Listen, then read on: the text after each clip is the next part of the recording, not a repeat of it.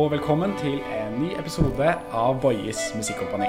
En podkast om klassisk musikk og nærliggende tema. Med meg i dag så har jeg min trofaste medpodist Mathias Halvorsen. Hei, Nikolai. Hei. Hei. Medpodist, ja. Ja, Veldig hyggelig. Medpodist det er første gang jeg har hørt. Det var gøy. Ja. Tenkte kanskje jeg måtte begynne å finne et nytt ord for hvem du er hver episode. Ok, da gleder jeg meg til det hver gang. Ja, Så denne gangen med på list. Ja, Rett inn på CV-en. Okay. Ja. I dag så skal vi jo prate om et ganske sånn eh, betydningsfullt begrep innenfor liksom idrett, kunst og ikke minst klassisk musikk, som vi driver med. Nemlig begrepet talent. Hva er ditt forhold til dette begrepet, Mathias? Å, eh, Det kom litt fort på, kanskje. ja, Nei, det er bra. Eh, mange, mange følelser, på en måte. Du har både alle de følelsene som du har fra du på en måte er liten og blir omtalt mye som talent og sånne type ting, og så har du sånn Talentskolen Paratue, for eksempel, eller talentprogram, eller nasjonal satsing på å la, lage nye talenter, eller sånne, sånne sånn type ting. Og så er det kanskje den følelsen som er sterkest akkurat nå, som er som en sånn kulturrådsøkende frilanser som slåss om de kulturmidlene som er til stede. Så er det en sånn lett frustrasjon over alt fokus på eh, ungt talent, mens, mens eh, mens eh, Altså. det, det, nest, det, det virker som det er mye lettere å få inn penger til den delen av kulturlivet enn det er til å få til den delen av kulturlivet som alle skal inn i, som det store kulturlivet. Så da kommer det sånn less frustrasjon i forhold til det, selvfølgelig. Så det er mange følelser eh, rundt Ja, det går an å være talentfull på søknadsskriving òg, da. Jo da, det, heldigvis gjør det det. Ja. jeg merker jo litt av det samme. Jeg føler jo også eh, sånn talent for meg har også en sånn, hatt en, et innslag av noe som jeg, jeg lærte kanskje for et år siden. Så var det en venn av meg som heter Jo Skonsar, som hadde sånn foredrag på Musikkhøgskolen om sånn bedragersyndrom. Har du hørt om det? Ja, det Ja. jeg har ofte hatt litt den følelsen av sånn Ja, jeg har, kom, jeg har vært gått på talentskole, og liksom alt er bra. Jeg er bare sånn Å, talentfull bassist, liksom. Sånn der. Og så er det bare sånn Er jeg det? Er jeg en talentfull bassist? Jeg føler meg ikke så fryktelig talentfull. det har vært eh, også et sånn gjennomgangstema, føler jeg, for min oppvekst.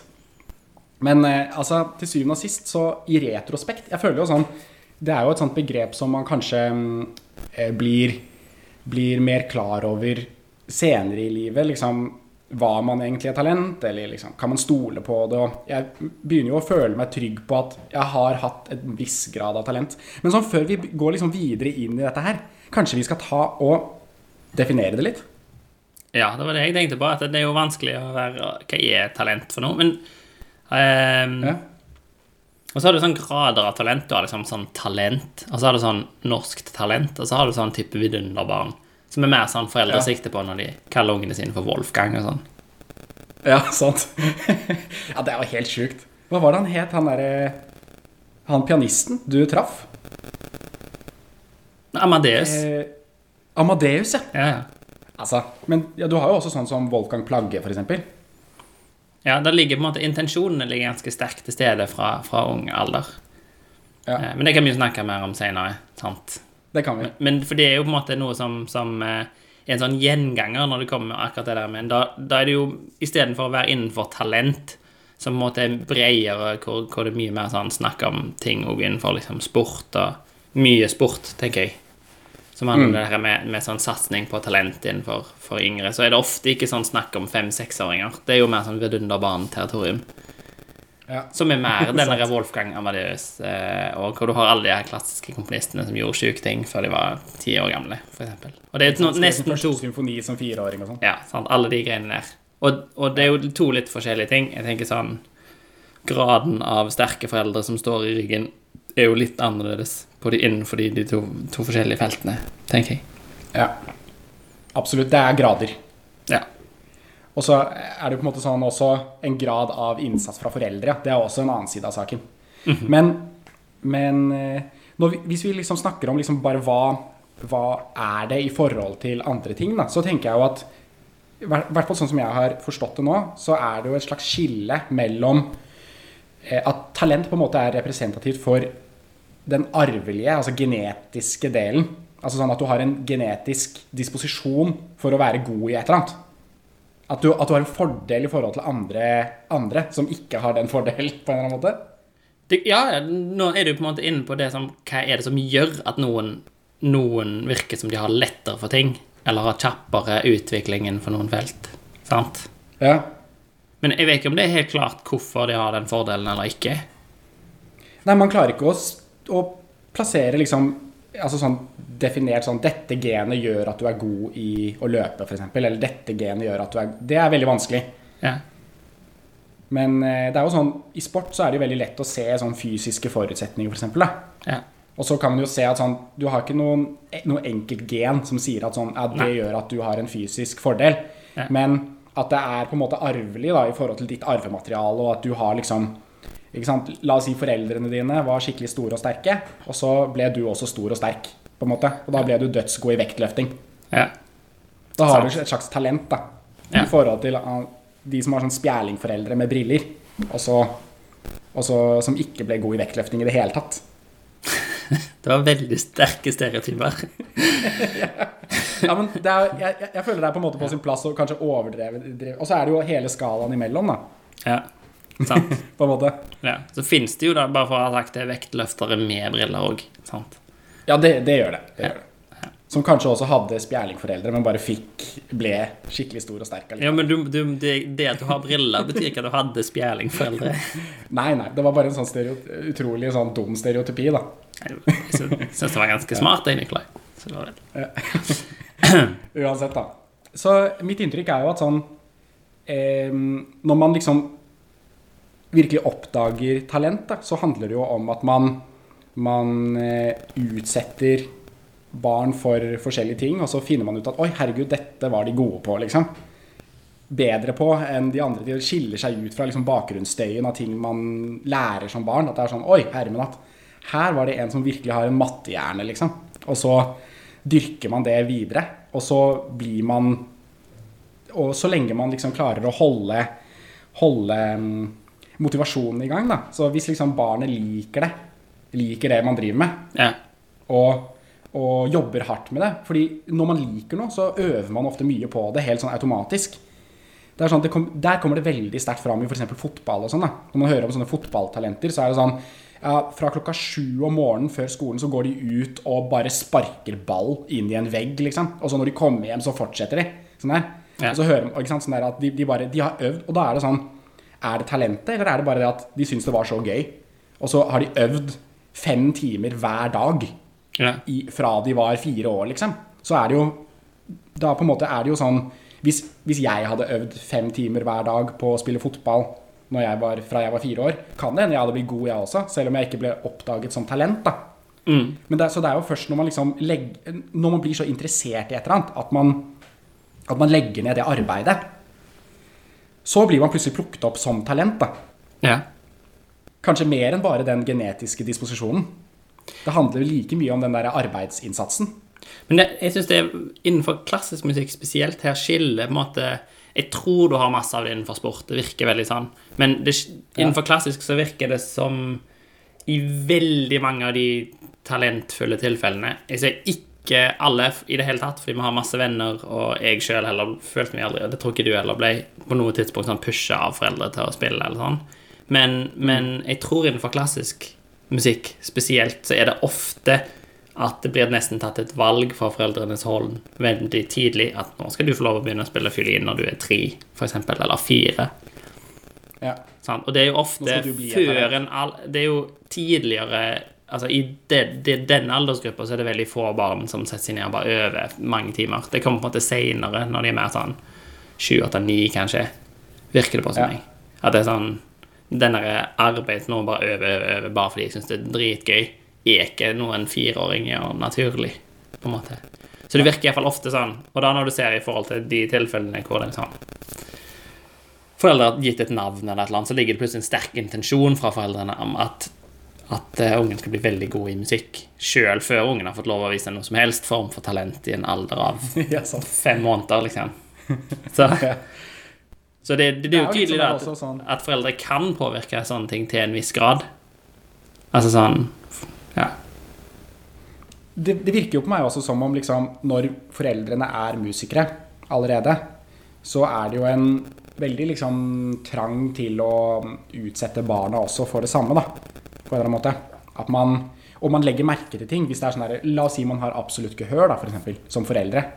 Og så legger, man, så legger man merke til at barna allerede i to-treårsalderen bare sånn viser at de synger toner rett uh, uten, ikke sant, sånn der, og, og uh, har tydelige tegn på å ha absolutt gehør allerede fra en tidlig alder. Det er jo en sånn genetisk ting, da.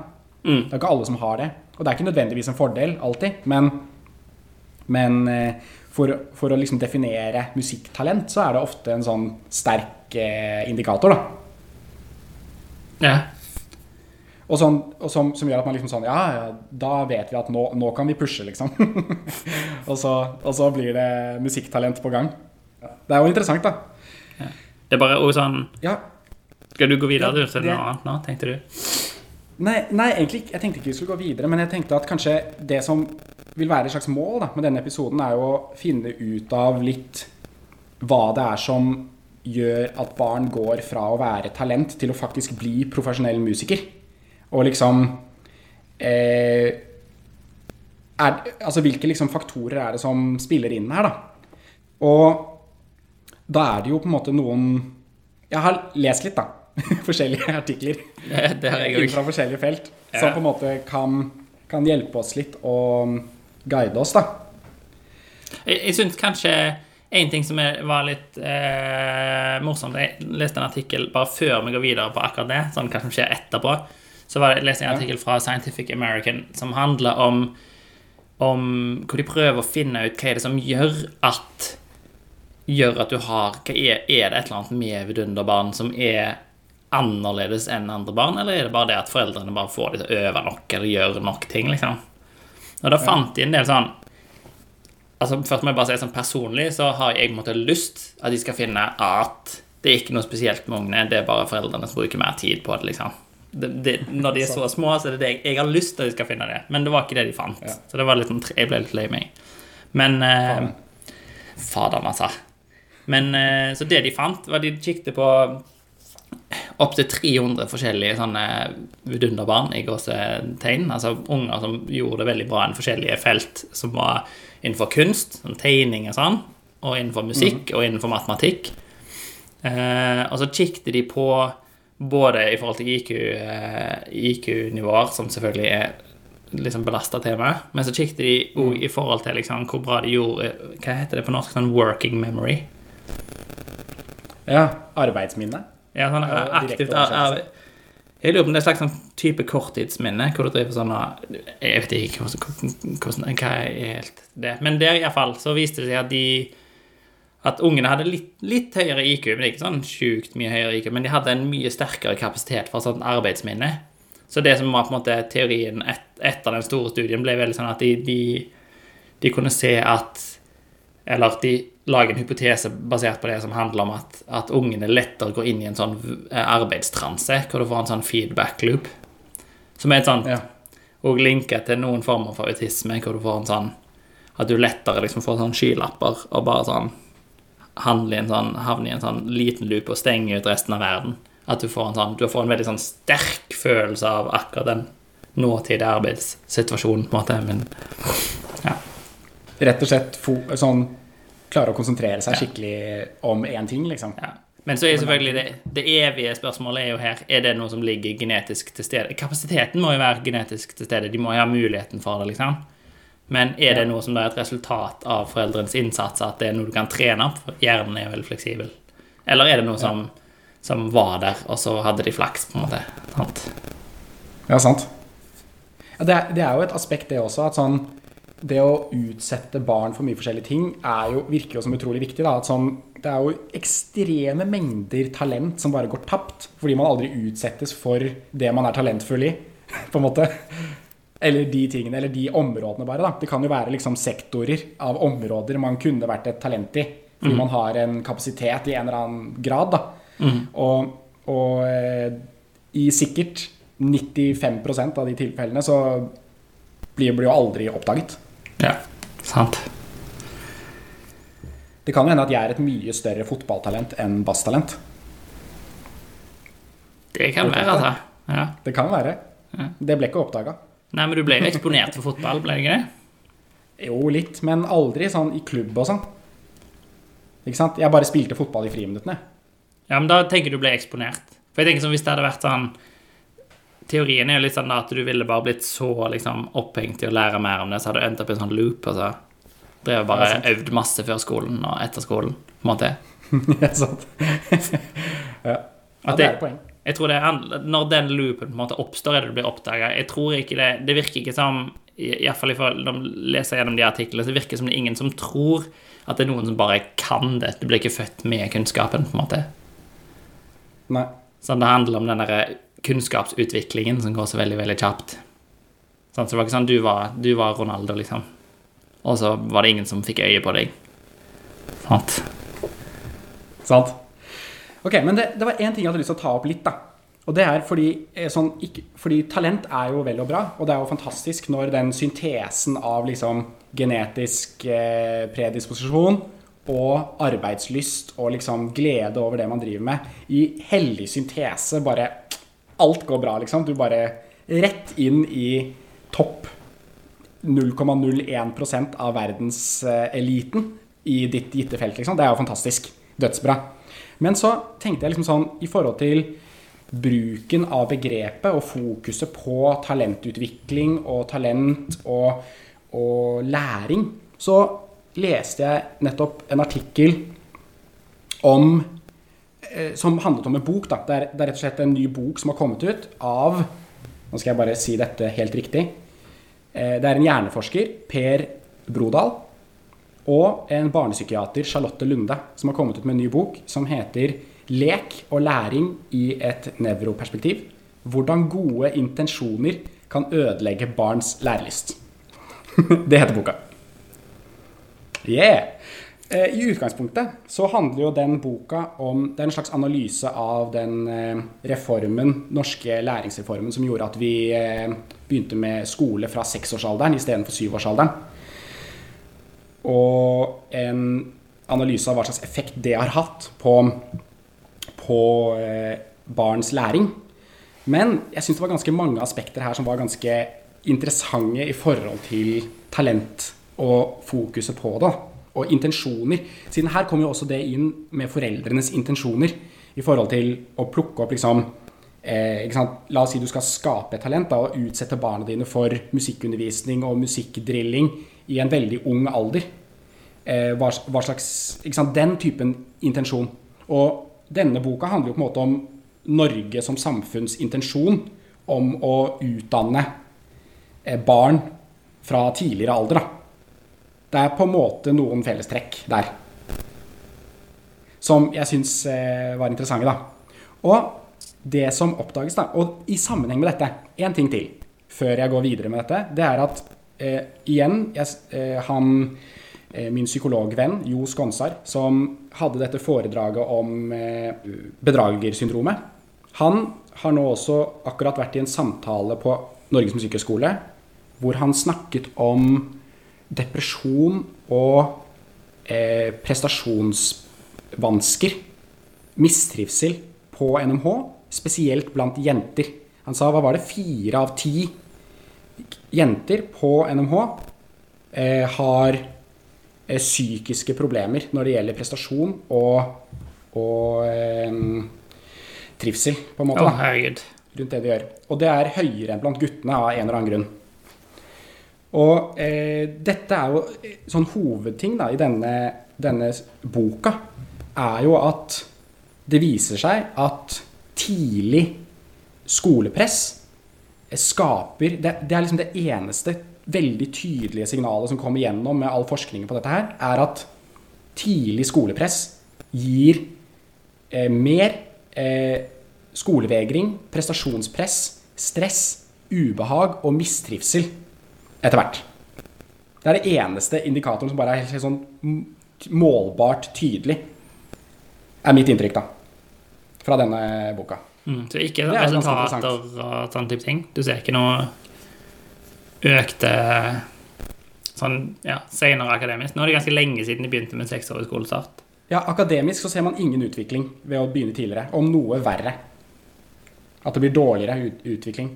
Og på en måte sånn den skole, det skolelandet som får best på alle tester, og som gjør det best av alle, er jo Finland. Og de starter på skolen som syvåringer. Det denne boken virkelig prøver å presisere, da, er jo at eh, lek og kreativitet på en måte i lek er det som Å holde på det ett år ekstra eh, skaper bedre lærelyst, da. Ja. At man på en måte At det handler om liksom å bygge eh, Spesielt risikolek, faktisk, trekkes fram. Hva er risikolek? Hva vil det si? Ja, risikolek, sånn som å klatre i høye trær, f.eks. At det er farlig, at man tryner og slår seg, og liksom tar sjanser i leken. Eh, Evnen til å tørre å, å feile, og liksom utvikles gjennom risikolek, sier de. Gøy. Det er ganske interessant. Ja. Ja. Så at, at liksom, og det, det er faktisk i tråd også med Jeg leste en artikkel om eh, på Ledernytt, bare om liksom hvordan å bli en god leder. Og det også tok opp akkurat det samme. At det å tørre å feile, og liksom bare ta sjanser på ting, og liksom stå i de valgene man gjør, og så lære av det, og så liksom Men å tørre å bare kaste seg uti ting, da, er en ekstremt viktig ting for å bli en god, god leder. Det er jo faktisk eh, veldig interessant, eh, Nikolai. En, en ting som jeg kom over, var, var um, Beklager den litt usympatiske avbrytelsen der, men uh, Men, uh, men jeg, eh, en ting som var veldig morsomt, var de, de så på Det var en, en annen studie i USA, og ganske stor, men alle de tingene her er jo sånn Det er mye sånn engangsstudier fordi feltet er ganske ungt. Det virker som det ikke er gjort veldig mye studier på talent og på på sånn type vidunderbarn-greier. Men det de så, var, var en morsom utvikling fra barn som har vært typ supertalenter. Det her, nå virker det her som det ikke er relatert til hva du akkurat snakket om, men det blir det. Så bare vent. Okay, så. Eh, så de kikket på, på foreldre som, som mener de har et, et eh, type vidunderbarn, noe som er veldig talentfulle innenfor et eller annet, og måten de setter regler for det barnet versus måten de setter regler for andre barn, så opplever de ofte ganske andre regelregimer, ofte litt strengere innenfor noen felt, og mye slappere innenfor andre felt. Eh, og det som ofte skjer, er at de, de, det som de ser, er at det er et slags mønster innenfor vidunderbarn, at de kommer seg veldig tidlig, veldig ledende innenfor det de holder på med, ofte musikk. Mesteparten av vidunderbarn er innenfor musikk, og det er noen få innenfor andre felt, som sjakk og matematikk og, og andre typer ting, men de, de er veldig små i forhold til Det er musikk som er det ledende feltet for vidunderbarn og super, supertalent på, på, i veldig, veldig ung alder. Sport kommer liksom et par år etterpå.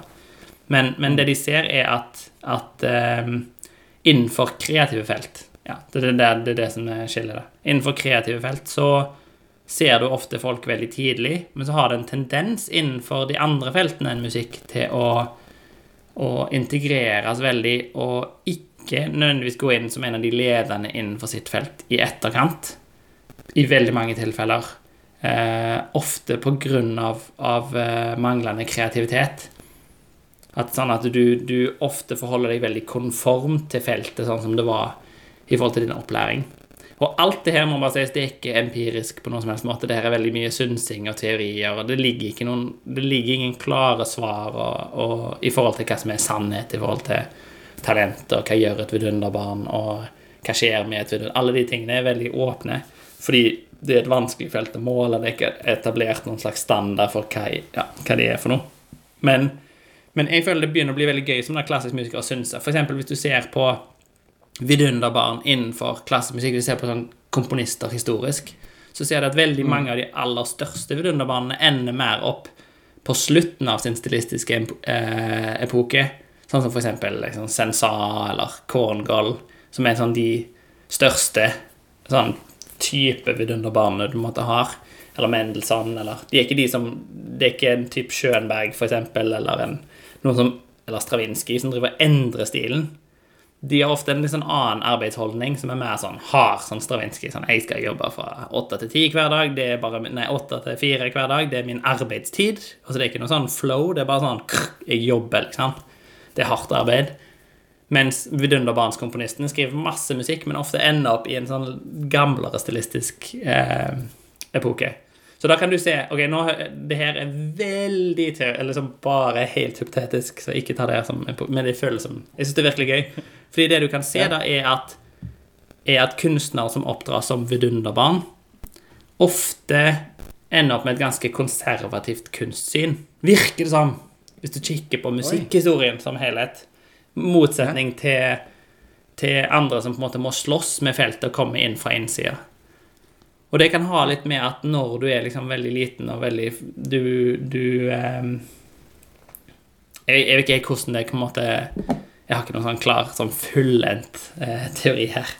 Jeg bare føler, Det føles litt som at, at eh, når du slår ut veldig tidlig, blir veldig komfortabel innenfor et sett med regler, utrolig god på det språket eller den stilen eller den måten å tenke på, sånn, så er det mye vanskeligere å stille fundamentalt eh, kritiske spørsmål, f.eks., eller se ting helt annerledes. Kan være. Og det kan ha en grunn til at det utøvende klassiske feltet, som føles som det som er sterkest på eh, på vidunderbarnsfronten og på så supertalentfronten innenfor musikk. Det, mye, det virker som det er mye høyere sånn talentsatsing innenfor konservativ, klassisk utøvende musikk enn innenfor noen annen musikalsk sjanger. Um, Ja. Og det er jo helt klart òg den mest konservative delen av et konservativt felt. Utøvende klassisk musikk. Sant? Hvor det spilles i hovedsak bare gamle komponister, og folk spiller det ganske konformt, og det er liksom, reglene er ganske klare for hvordan du går inn og spiller.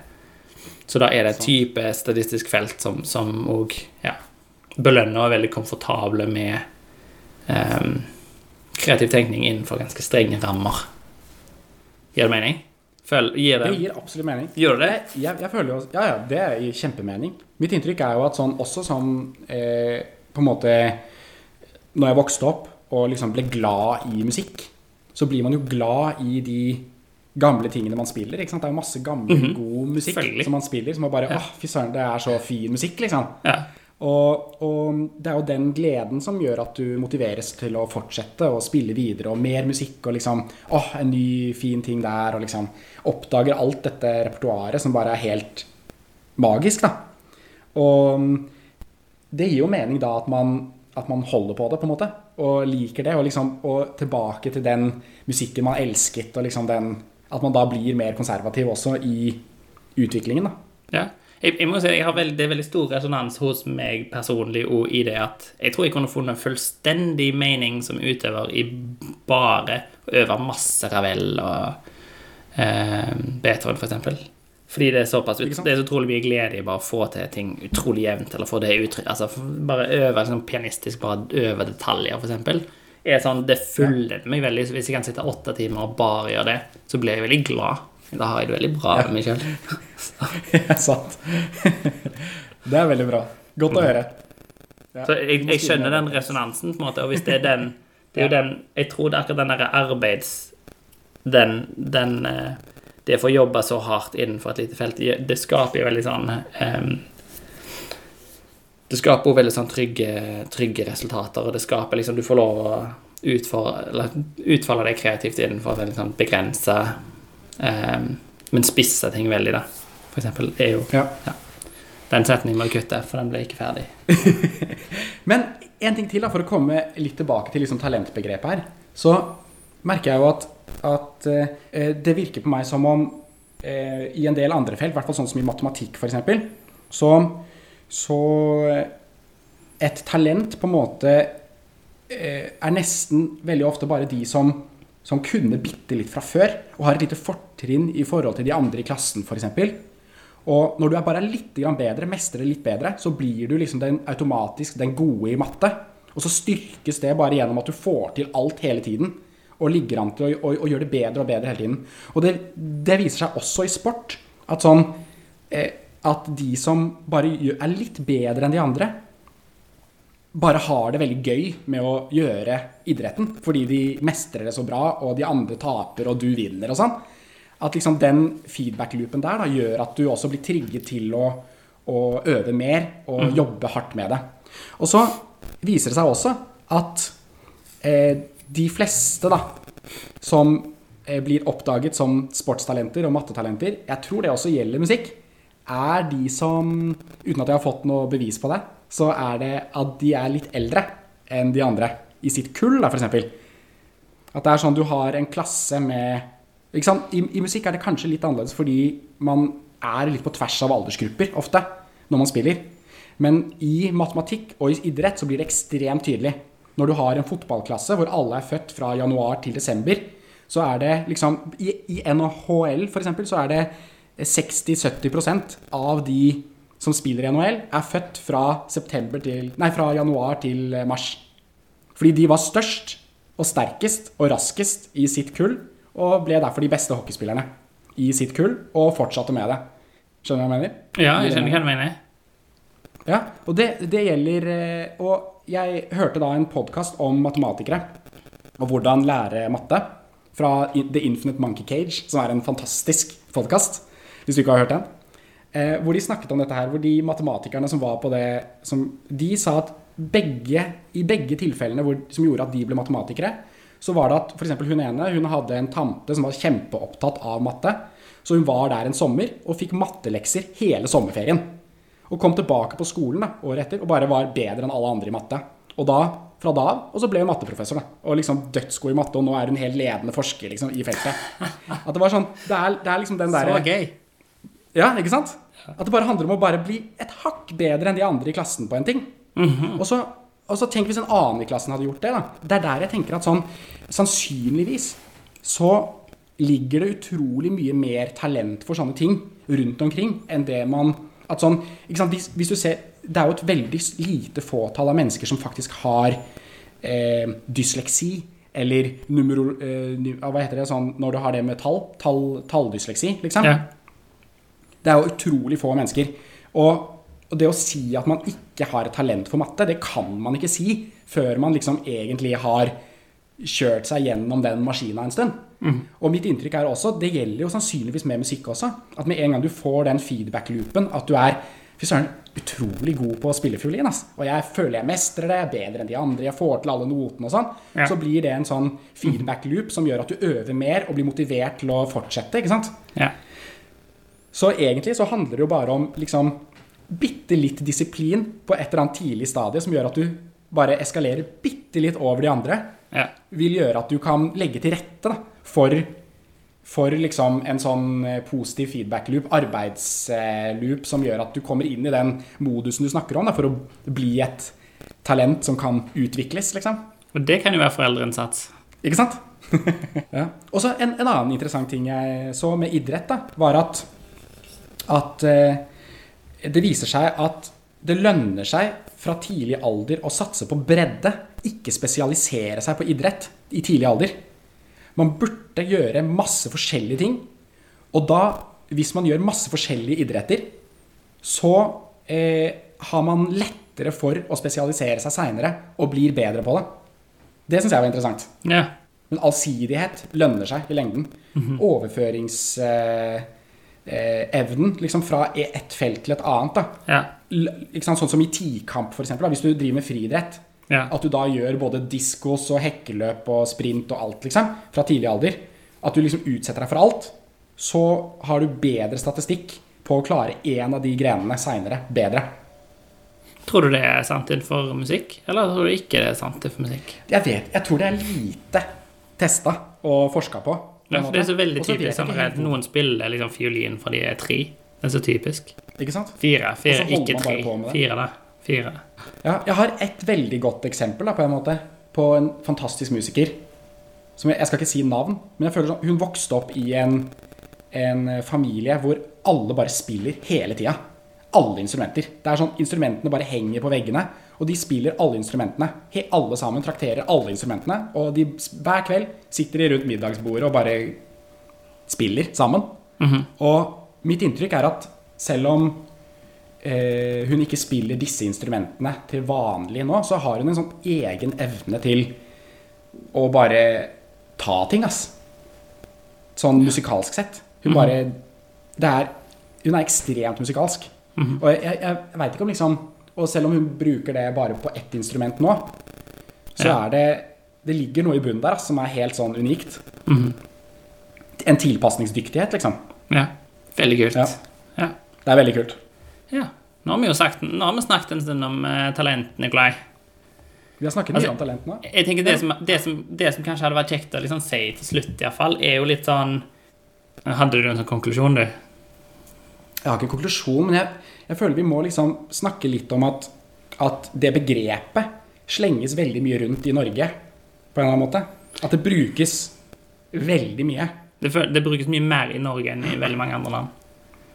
Det virker sånn på meg òg. Og at sånn eksempel sånne institusjoner som Talent Norge, eksempel, eller eh, Talentutvikling. Som talentutvikling, talentfabrikk, Ja. sånne typer begreper da, som er Satsing på som talent. Som skal Satsing på talentet. Ja. Hvor du skal liksom fange opp talentene og så utvikle dem. For eksempel, jeg leste her Altså, dette må jeg bare si. Jeg gikk inn på Talent Norges hjemmeside og bare leste deres mandat. Som er Talent Norge skal bidra til systematisk utvikling av talenter. Tilgang til coaching, pedagoger og topptalenter. Er det første setningen i den uh, meldingen, da. Jeg føler sånn Med en gang så får jeg en sånn vond følelse. det er Og det handler Jeg veit ikke helt hvorfor, men jeg tror jeg trigges veldig av det der liksom At du skal gjennom fabrikken for å utvikle som talent, i tillegg til, til det å liksom coaching, pedagoger og topptalenter. Jeg skjønner at det trengs på en måte å få god veiledning for å, for å nå målene dine og sånn. Men det er noe der med sånn Jeg veit ikke. At man skal liksom passe inn i den der konforme modellen for hvordan utvikle seg og sånn. At det, det må bli liksom mer Mindre variasjon, tenker jeg. Hvis, hvis man holder på sånn.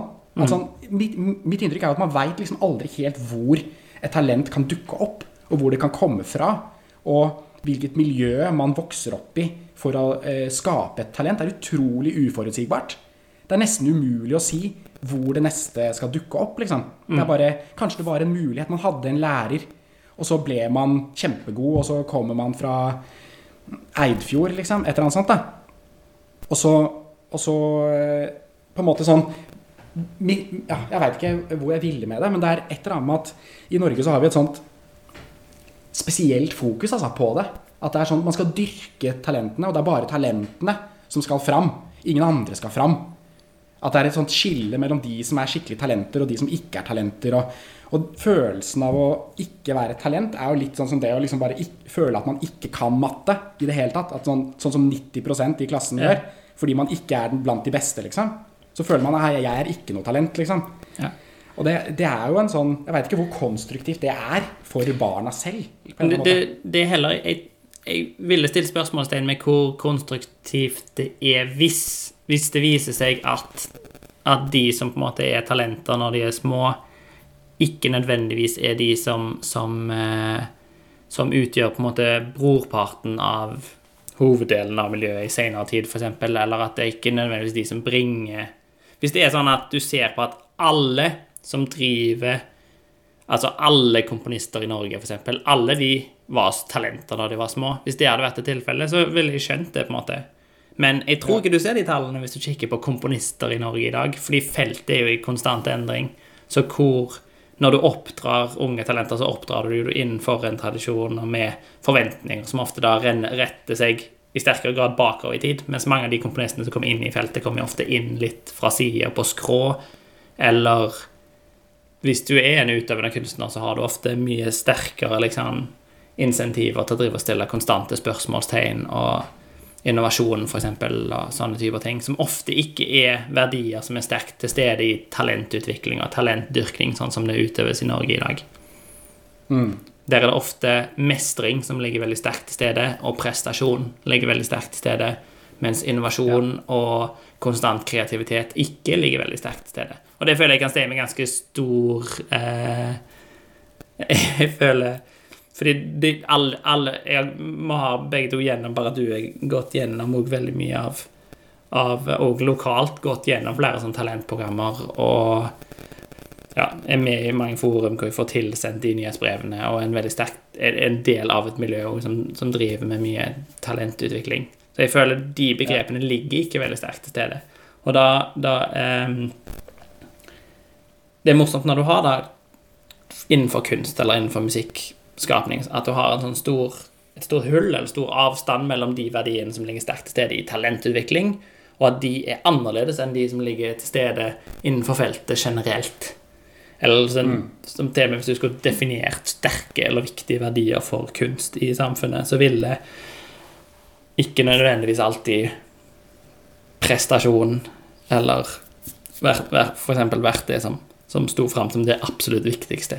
Det viktigste når du, når du hører på musikk, eksempel, eller skal ha et musikkliv, er ikke at du skal kunne høre på folk som spiller jæklig fort. Temaet ikke nødvendigvis spiller jæklig bra. Fordi kunst er ofte sett på som å være noe mer enn akkurat det. Det ligger andre verdier Ja. til stede. Sant? Så derfor er det jo litt sånn Jeg, jeg tror det går an å, å jeg ser at talent Det er jo selvfølgelig masse verdi for, for unger som kanskje har interesser som ligger litt på sida av det som alle de andre i klassen holder på med, f.eks. Eller så er det utrolig stor verdi av å føle seg som en del av et nettverk. Og jeg tror det ligger masse positivt her. Men det kan være at verdien av å drive og fortelle alle de andre at dere ikke er talenter eh, Det er kanskje en Eller skape det skillet. ja, skape det skillet, og samtidig være sånn at du ja, da velger ut ehm, ja, Du gjør den utvelgelsen tidlig og fokuserer toppen i en, konservativ retning mens du, mens du forteller alle de andre at dere er ikke talentene eh, fra en tidlig retning. Det, det kan være det skaper et uheldig mønster. Jeg vet ikke. Men det er jo en kjempebra konklusjon, egentlig. Jeg føler eh, vi egentlig har snakket om det meste vi trenger å snakke om. Det er jo egentlig et Det er jo samme hva slags ord man egentlig bruker om, om, om dette her. Eh, talent er kanskje like bra som eh, hvilket som helst annet ord. Eh, men jeg føler det er Det får kanskje litt mye av æren for suksessen man har også. At det er man, burde heller på en måte gi mer kred til, til det arbeidet man legger ned. Det er jo sikkert klisjé å si, men det er på en måte et eller annet med at talentet er selvfølgelig viktig for å mestre og ha det gøy, men det er det er jo først når du liksom legger ned timene og har det gøy med det og holder på, liksom, at du får brukt det til noe eh, flott, da. Så ja, jeg tror vi skal runde av der for i dag, jeg. Ja. Takk for praten, Nikolai. eh, Alltid veldig Takk gøy. for praten. Du er så flink, altså. Det er bare ja, Ikke sant, du også. Veldig bra. ja, men om du har innspill eller ideer til hva vi burde snakke om, og, eh, så er det bare å kontakte oss på nikolai at boyeskompani.no. Og alt Og pes og alt sånn er selvfølgelig veldig tatt imot med glede. Altså, Vi er Ja, ja, veldig forberedt på at vi sier mye dumt, så vær så veldig og bare gi, gi oss beskjed om det når du, når du føler det. Og spesielt en type diskusjon som dette her, så er det jo fryktelig mye informasjon vi ikke har. Så hvis du har noe informasjon som vi burde ha hatt, så er det bare å komme med det. Eller alternative synspunkter. Vi har ingen Ja. Ikke være for snill, altså. Nei, nei, nei. Ikke vær snill. Nei, Jo da, vær snill. litt snill. Iallfall med alle andre. Ok. ha det bra. Ha det bra. Du, vent, Nikolai. En siste ting. Ja. Jeg vil bare si, jeg, okay. jeg tror kanskje at du er sånn skikkelig podkasttalent, altså. Det tror det, tiden, Nei, det tror jeg ikke, faktisk. hadde jeg vært det, så hadde jeg sittet med dette her i timevis hver dag. Spilt ball med meg sjøl. Det gjør jeg ikke, vet du. Ok. Takk for nå. Okay. Ha det godt.